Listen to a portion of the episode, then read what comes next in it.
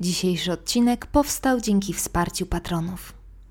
Cześć, to 76. odcinek bardzo brzydkiego podcastu, odcinek około weekendowy, czyli taki dreszczykowo-ciarkowy i powiem Wam szczerze, że trochę się zastanawiałam, o czym by Wam dzisiaj poopowiadać, nawet zapytałam Was o zdanie na moim Instagramie, ale tym razem nie skorzystam z Waszych propozycji, wyobraźcie sobie, bo Najzwyczajniej w świecie jestem głodna czegoś kompletnie nowego i spokojnie, bo bardzo dużo wiadomości brzmiało demonologia.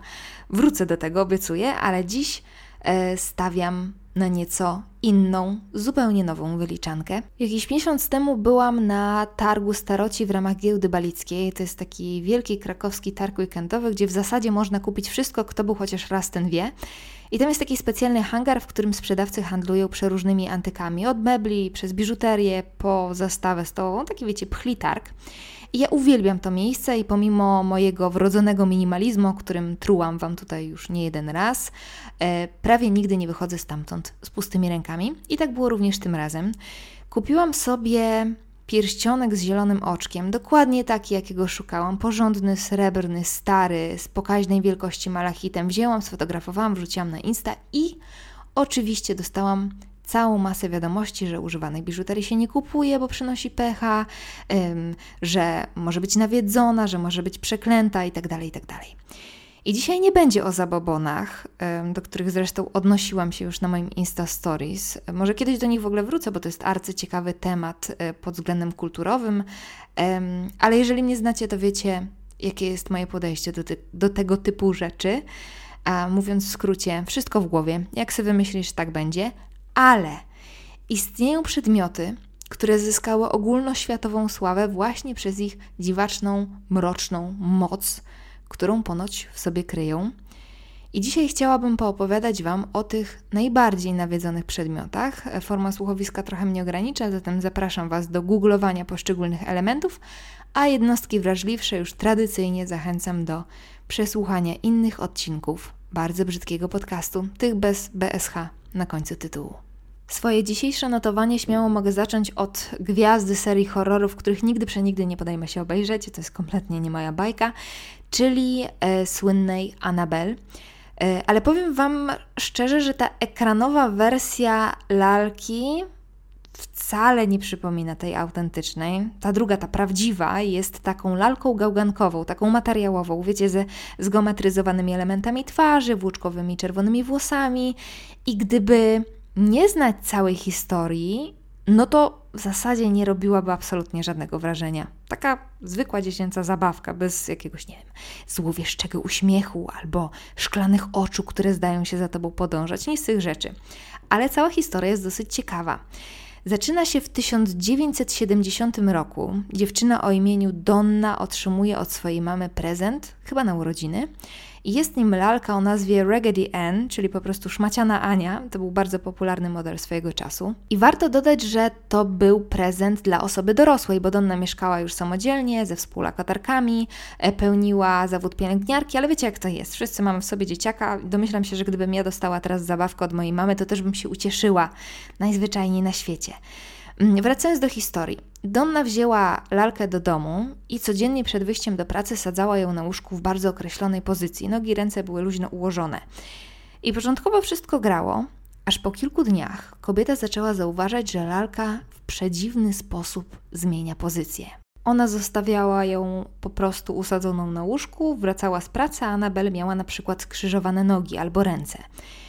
I to już zaczęło budzić pewne podejrzenia, bo Donna bardzo pieczołowicie mm, komponowała ułożenie tej lalki za każdym razem, więc postanowiła zrobić test i skrzyżować kończyny zabawki. No i jak nie trudno się domyślić, po powrocie kobieta odkryła, że nogi i ręce są rozprostowane, no i później układała ją jeszcze w przeróżnych pozycjach i za każdym razem lalka wydawała się samodzielnie je zmieniać. No i w ten sposób z dnia na dzień robiło się coraz dziwniej, bo oprócz tego, że Anabel zmieniała ułożenie, to dosłownie wędrowała po domu. Na przykład y, była zostawiana w sypialni, a odnajdywana w zupełnie innym pomieszczeniu. I pomimo braku jakichkolwiek osób, pomimo zamkniętych drzwi, ona po prostu w jakiś dziwny sposób przemieszczała się po domu. No i dziewczyny kombinowały dokładnie tak, jakbyśmy wszyscy kombinowali, czyli zaczęły podejrzewać, co też jest swoją drogą przerażające, chyba nawet bardziej przerażające, że ktoś ukrywa się w ich domu i robi sobie po prostu jaja, przekładając tę lalkę z miejsca na miejsce. Więc niewiele myśląc, pozakładały coś w, mm, coś w rodzaju pułapek, po prostu pozastawiały drzwi różnymi przedmiotami, tak żeby wywracały się podczas otwierania i w ten sposób e, stanowiły, wiecie, dowód na to, że ktoś łazi po chałupie, tak?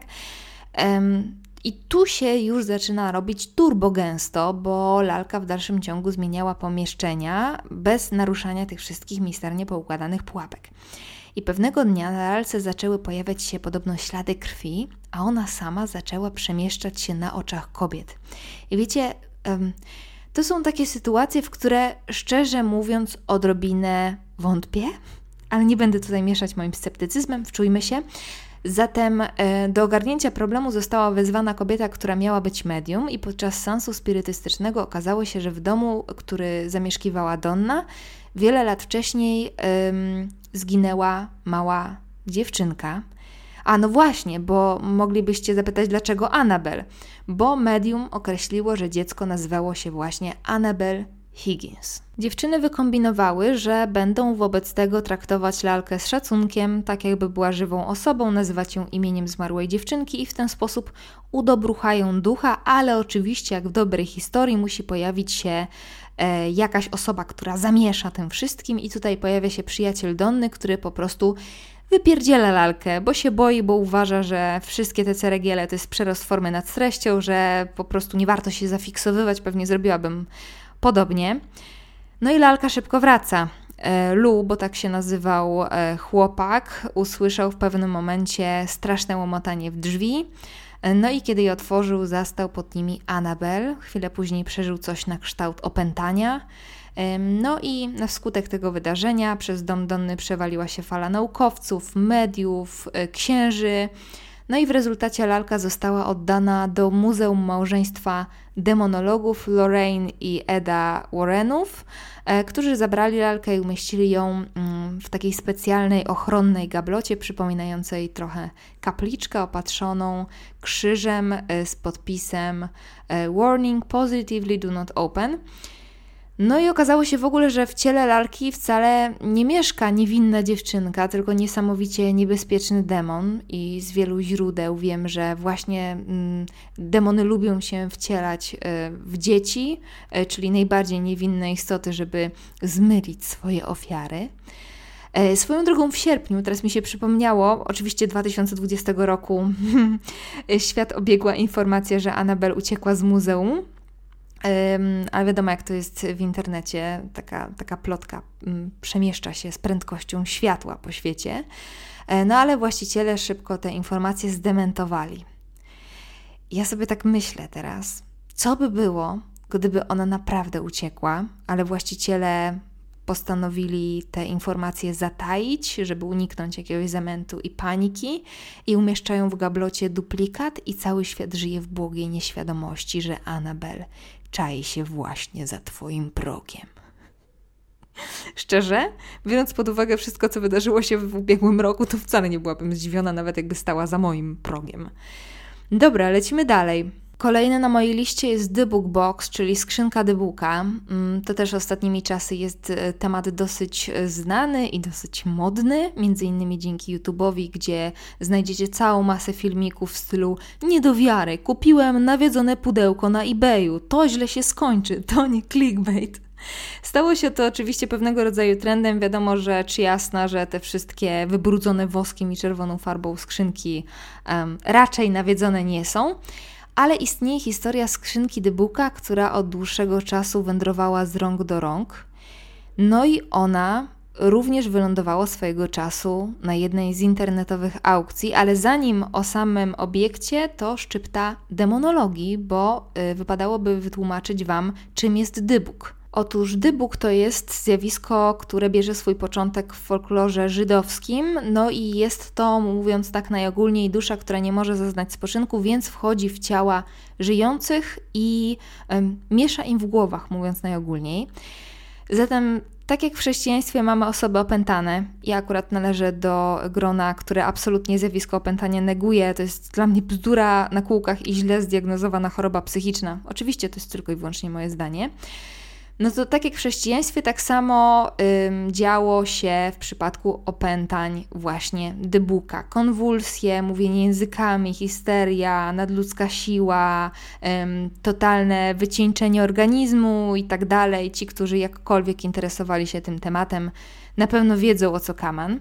I do popkultury takiej poza światem żydowskim The Book przeszedł po wydaniu dzieła, które stworzył Szymon Anski e, o tym samym tytule, czyli The Book, na podstawie którego powstała chyba w 1937, nie zapisałam sobie, opera też o tym samym tytule, The Book, no a później cała masa innych dzieł, horrorów e, i tym podobnych, bo temat jest niezwykle inspirujący i romantyczny w pewnym sensie.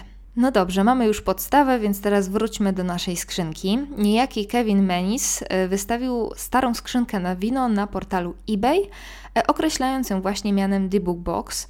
E, I koleś w opisie aukcji określił przedmiot jako nawiedzony. Kupił skrzynkę w 2001 roku i dowiedział się, że należała do ocalałej ofiary Holokaustu, która najpierw uciekła z Polski do Hiszpanii, a później do Stanów. I Kevin, czyli ten nabywca, mm, rozmawiał z wnuczką Hewelech, bo tak nazywała się właścicielka skrzynki. E, no a ta zapewniła go, że rzecz była kupiona już po wojnie w Hiszpanii i że to jest taka pamiątka rodzinna. I tu się zaczyna robić gęsto, bo mężczyzna, słysząc, że jest to pamiątka, stwierdził, że należałoby oddać ją wobec tego rodzinie, na co wnuczka odpowiedziała, że nie, nie, że rodzina tej skrzynki nie chce, że cały czas leżała tylko gdzieś nieużywana, gdzieś tam w jakimś miejscu odosobnionym i że w zasadzie to nikt jej nigdy nie otwierał, bo podobno uwięziony jest w niej dybuk. No ale co?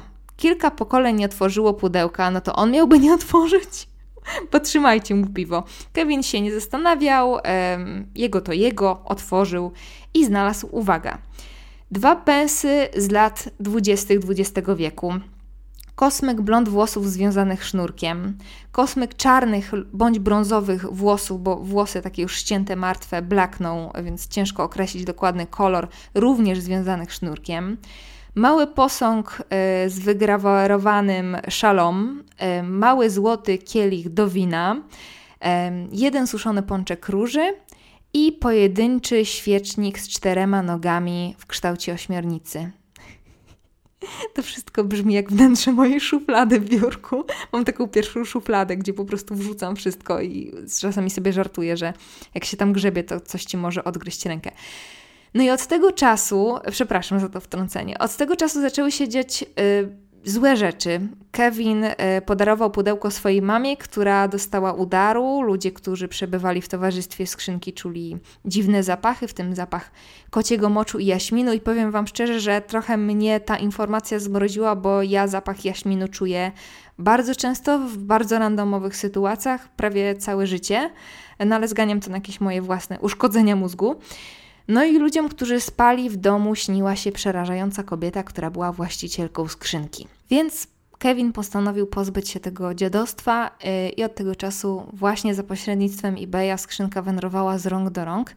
Ostatnim wystawiającym na aukcję był Józef Najcki. Yy, u niego skrzynka też długo miejsca nie zagrzała, bo w jego domu nieustannie, według oczywiście wystawiającego, yy, spalały się żarówki, a jego współlokator zaczął tracić włosy i sprzedał ją niejakiemu Haxtonowi e, i kiedy ten również zaobserwował u siebie dziwne objawy, między innymi pokrzywkę i tu cytat pręgi od stóp do głów, to postanowił skontaktować się z rabinami. Jeden mądry, jeden postanowił zacząć grzebać u źródła. Mm, rabini to są oczywiście e, duchowni w judaizmie i postanowił jakoś wespół w zespół e, z duchownymi tego dybuka wspólnie z powrotem ściągnąć do pudełka. No i wyobraźcie sobie, misja zakończyła się powodzeniem. Haxton e, zamknął tego, podobno zamknął tego ducha z powrotem w skrzynce i sprzedał ją Zakowi Begansowi, właścicielowi muzeum z różnymi nawiedzonymi przedmiotami i przy okazji e, wielkiej gwieździe serialu o zjawiskach paranormalnych, serialu dokumentalnego, dla mnie trochę para quasi dokumentalnego Ghost Adventures, e, które obejrzałam od deski do deski. Dużo odcinków jest na YouTube, więc możecie sobie obczaić mówiłam o tym paradokumentalnym, dlatego że bardziej to jest dla mnie robienie show niż faktyczna rozmowa z zaświatami, ale jako takie guilty pleasure bardzo dobrze się sprawdza. No i swojego czasu był to jeden z nielicznych seriali o tej tematyce, więc no to był absolutny hin, hit w Stanach. U nas też y, leciał na kilku różnych stacjach. Y, no i ja niesamowicie się, chyba właściwie od wtedy zaczęła się taka moja fascynacja właśnie różnymi zjawiskami paranormalnymi, więc możecie sobie Ghost Adventures wygooglować. I przez to, że mm, ta skrzynka cały czas śmigała po eBayu, to tak jak już wspomniałam, e, po tej historii powstała cała masa takich udawanych skrzynek, cała masa filmów na YouTubie i cała masa bredni, które rozprzestrzeniały się i wciąż rozprzestrzeniają po internecie w niezwykle szybkim tempie. No dobrze, dalej mamy lalkę Roberta i powiem Wam szczerze, że wygląd już znacznie bardziej jest niepokojący niż w wypadku Annabel.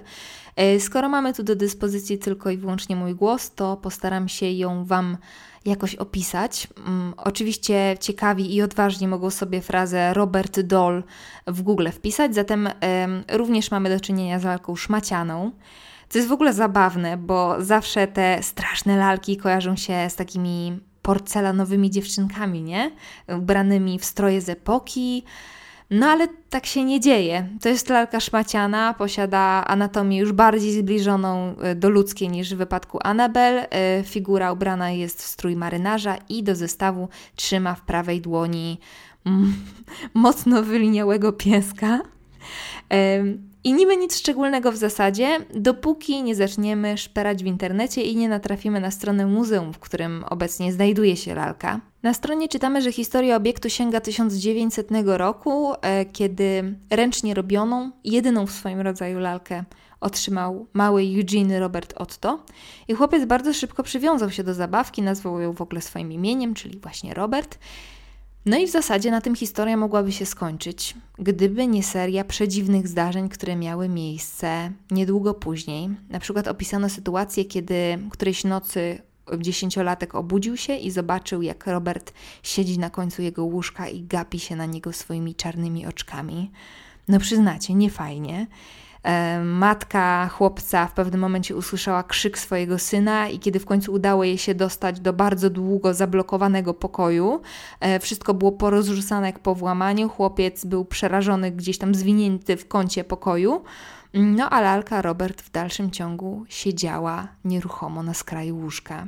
Albo rodzice zeznawali, że chłopiec dużo z Robertem rozmawiał i to byłoby akurat całkiem normalne, bo dzieciaki tak mają, ale słyszeli też inny głos, który odpowiadał chłopcu, więc gdzieś tam odbywała się rozmowa, której teoretycznie nie powinno być, nie powinna mieć miejsca. E, ponoć widzieli też zmieniający się wyraz twarzy lalki i całą serię różnych innych przedziwności, które pozwalały wnioskować, że za, z zabawką jest coś zdecydowanie nie tak. I co jest dosyć dziwne dla mnie, nikt się nigdy lalki nie pozbył. I wiele, wiele lat później, kiedy rodzice mm, już zmarli, a Eugene był dorosłym gościem, to chciał, wyobraźcie sobie, urządzić oddzielny pokój dla lalki, żeby Robert miał własny pokoik. No ale żona Mm, Anna nie uległa temu dziwactwu, e, bo generalnie nie za dobrze czuła się z tym pomysłem i w ogóle nie miała z tą dziwną zabawką po drodze, więc zażądała, żeby ten pokoik może był jednak na strychu i może Robert powinien jednak być zamknięty na klucz.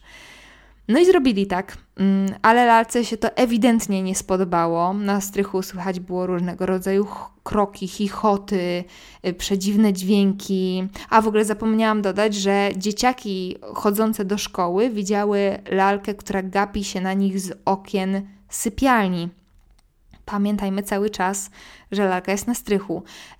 No i ktoś poinformował o tym Eugena, chłop się zdziwił, bo lalka musiałaby wobec tego zmienić swoje miejsce. No i kiedy wszedł do sypialni, odkrył, że Robert siedzi w bujanym krześle i gapi się właśnie przez okno. No i później, tak jak w wypadku Annabel, Robert był noszony na strych i znowu magicznie pojawiał się w fotelu w sypialni. No ja naprawdę wyrzuciłabym to 10 razy W 1974 roku umiera w sędziwym wieku Eugene Otto, czyli lalka mu nie zaszkodziła de facto. No i do domu wprowadza się nowa rodzina z dziesięcioletnią dziewczynką tym razem, która odkrywa lalkę na strychu i najpierw potwornie się cieszy, później potwornie się boi, bo e, doświadcza tych samych przygód, które przeżywał dziesięcioletni Eugene. Um, I dziecko twierdzi, że widziało, jak Robert wędruje nocą po jej pokoju, że do niej mówi i tak dalej, i tak dalej. To wszystko, co jesteście w stanie sobie wpisać w fabułę um, prawie każdego horroru. I chyba dlatego też nie umiem w lalki, wiecie? Chociaż bardzo mi się podobał jako element wystroju, to um, raczej stronie od tego typu ozdób, chociaż mam kilka, ale one absolutnie nie są szkodliwe. No i żeby dotrzeć do tego, dlaczego lalka jest nawiedzona, musimy cofnąć się do początku całej historii, czyli do roku 1900, bo Eugene dostał lalkę od służącej, która pracowała u rodziców chłopca, którzy ponoć bardzo źle ją traktowali. I uważa się, że kobieta po prostu przekleła lalkę podczas obrządku wudu e, i wręczyła ją chłopcu w ramach zemsty, ale ten czar wcale z bohaterem historii nie przeminął, e, dlatego że wciąż lalkę można oglądać w Muzeum Ghost and and Gravestones of Key West i uważa się, że wciąż obiekt reaguje na zwiedzających. E, I kiedyś oglądałam jakiś dokument, gdzie pojawiła się właśnie lalka Robert, e, i na przykład, kiedy chce się jej zrobić zdjęcie, to trzeba zapytać ją o zgodę, bo jeżeli się tego nie zrobi, wtedy przytrafiają ci się różne złe rzeczy. No, wy wiecie, jaki mam stosunek do tego typu spraw, prawda? To znaczy, wiem, że nie jestem w stanie objąć wszystkiego rozumem, że są rzeczy niewytłumaczalne, ale i tak uważam, że w momencie spotkania z takim nawiedzonym przedmiotem, kiedy mamy świadomość, że może dziać się coś złego, to stanie się coś złego, a nawet jak się nie stanie, to się dopatrzymy tego w najróżniejszych, najzwyczajniejszych sytuacjach. Tak po prostu działa nasza głowa. Szkoda, że z, z zaklinaniem rzeczywistości na lepsze już mamy nieco bardziej pod górę. I już ostatnia pozycja w moim dzisiejszym notowaniu. To w ogóle tych obiektów jest cała masa, więc jeżeli Wam się spodoba ten odcinek, to nagram Wam kolejną część, bo to jest niesamowicie w ogóle wdzięczny temat. Ale ostatnią rzeczą, taką wisienką na torcie jest obraz, który, no, który naprawdę może zjeżyć włos na głowie, nawet nie znając całej otoczki mm, w postaci historii. E, ja rzadko mam tak, żeby mnie wzdrygało na widok pracy artystycznej, do tego namalowanej i to nie hiperrealistycznie. No ale to ewidentnie jest coś na rzeczy. Jest to obraz The Hands Resist Him, czyli w polskim tłumaczeniu, przepraszam, w moim tłumaczeniu, wolnym tłumaczeniu, ręce opierają się mu, chyba tak. Sam tytuł bierze się ze słów poematu, którym inspirował się autor dzieła, czyli William Stoneham. E, który w 1970 roku maluje obraz przedstawiający chłopca, obok którego stoi lalka mm, wielkości mniej więcej dziecka, więc w pierwszym momencie możemy uznać, że jest to po prostu mała dziewczynka. Mm, ta nietypowa para stoi przed szklanymi drzwiami, za którymi widzimy, to jest chyba najbardziej niepokojący element tego dzieła, całą masę dłoni skąpanych w mroku, tak jakby przyklejonych do szyby, tak jakby bardzo dużo osób chciało się wydostać z tego ciemnego pomieszczenia. Sam autor twierdzi, że chłopiec jest nim samym z dzieciństwa, zaś lalka jest uosobieniem jego duchowej przewodniczki. Bardzo to wszystko niepokojące. Ale przechodzimy do samej historii. Dzieło zostało wystawione w galerii w Beverly Hills. Um, dostrzega je aktor John Marley. Możecie go w ogóle znać e, z mojego ukochanego filmu Ojciec Chrzestny. To jest ten chłop, co znajduje obciętą głowę konia pod kołdrą. Już, już wiecie? No, no. E, no to gość kupuje dzieło i w niedługim czasie umiera właściciel galerii i krytyk, który miał do czynienia z obrazem. Aktorowi nic się nie dzieje, umiera sobie w podeszłym wieku, e, a obraz przepada znaczy nie przepada w jakichś tajemniczych okolicznościach, po prostu dalej gdzieś tam jest puszczony w obieg. I nagle w 2000 roku pojawia się na znanym nam już eBayu. I nowi właściciele wystawiają obraz do licytacji, twierdząc, że uwaga, chłopiec z dzieła wychodzi w nocy z obrazu, że dzieją się przerażające rzeczy i chcą się malunku pozbyć. Zostaje sprzedany za kilka tysięcy i kolejny właściciel ma go w posiadaniu po dziś dzień, pomimo tego, że kolekcjonerzy, oczywiście kolekcjonerzy różnych przedmiotów pewnie nawiedzonych e, z całego świata e, proponują mu za niego gigantyczne pieniądze, on się nie daje, w dalszym ciągu dzieło jest w jego posiadaniu. I podobno sam wizerunek jest owładnięty złą energią, e, samo patrzenie na niego wywołuje mdłości, niektórzy twierdzą, że nawet przez internet patrzenie na ten obraz wywołuje już różnego rodzaju efekty uboczne i że nie trzeba mieć też oryginału, bo jedna z osób posiadająca przedruk dzieła, nie wiem jak w ogóle można sobie coś takiego powiesić w domu, e, twierdzi, że pewnego dnia po powrocie do domu z jakiegoś wyjazdu odkryła, że wszystko oprócz wydruku właśnie pokryte jest pleśnią. Ile jest z tym prawdy? Pojęcia zielonego nie mam, raczej nie wierzę, chociaż tego dzieła akurat może ze względu na to, że po prostu jest niepokojące, nie ustawiłabym sobie nawet na tapetę w telefonie. Tak jak już niejednokrotnie wspominałam, jestem mocno sceptyczna względem nawiedzonych przedmiotów. E, oczywiście uwielbiam te historie, uwielbiam antyki, uwielbiam po prostu rzeczy z duszą, rzeczy z charakterem, ale uważam również, że to my nadajemy znaczenie przedmiotom. Mogłabym się równie dobrze, nie wiem, zafiksować, że um, sweter z Ciuchlandu y, jest jakiś nawiedzony, że jest zaklęta w nim jakaś straszna moc, że dzieje się coś złego. Nie zapominajmy, moi drodzy mądraliscy, że rzeczy z ciucha też są używane i też ktoś mógł w nich umrzeć. No i czy wówczas doświadczałabym strasznych zdarzeń? Bardzo prawdopodobne. Czy byłaby to wina swetra? No według mnie ani trochę. Wszystko siedzi w głowach, w naszych głowach. Um, przynajmniej ja wierzę właśnie w taką rzeczywistość, a że każdy ma własną, to szanuję również punkt widzenia innych, do czego zachęcam również Was. Wydaje mi się po prostu, że tak jest wygodniej żyć, a że życie mamy krótkie i najprawdopodobniej jedno, to po co robić sobie jeszcze bardziej pod górę? Ojejku, ale zniszczyłam klimacik na koniec. Pardon, pardon, ale mam nadzieję, że odcinek Wam się podobał i że słyszymy się już niebawem. A tymczasem żegnam się z Wami. Do usłyszenia. Całujemy. Cześć.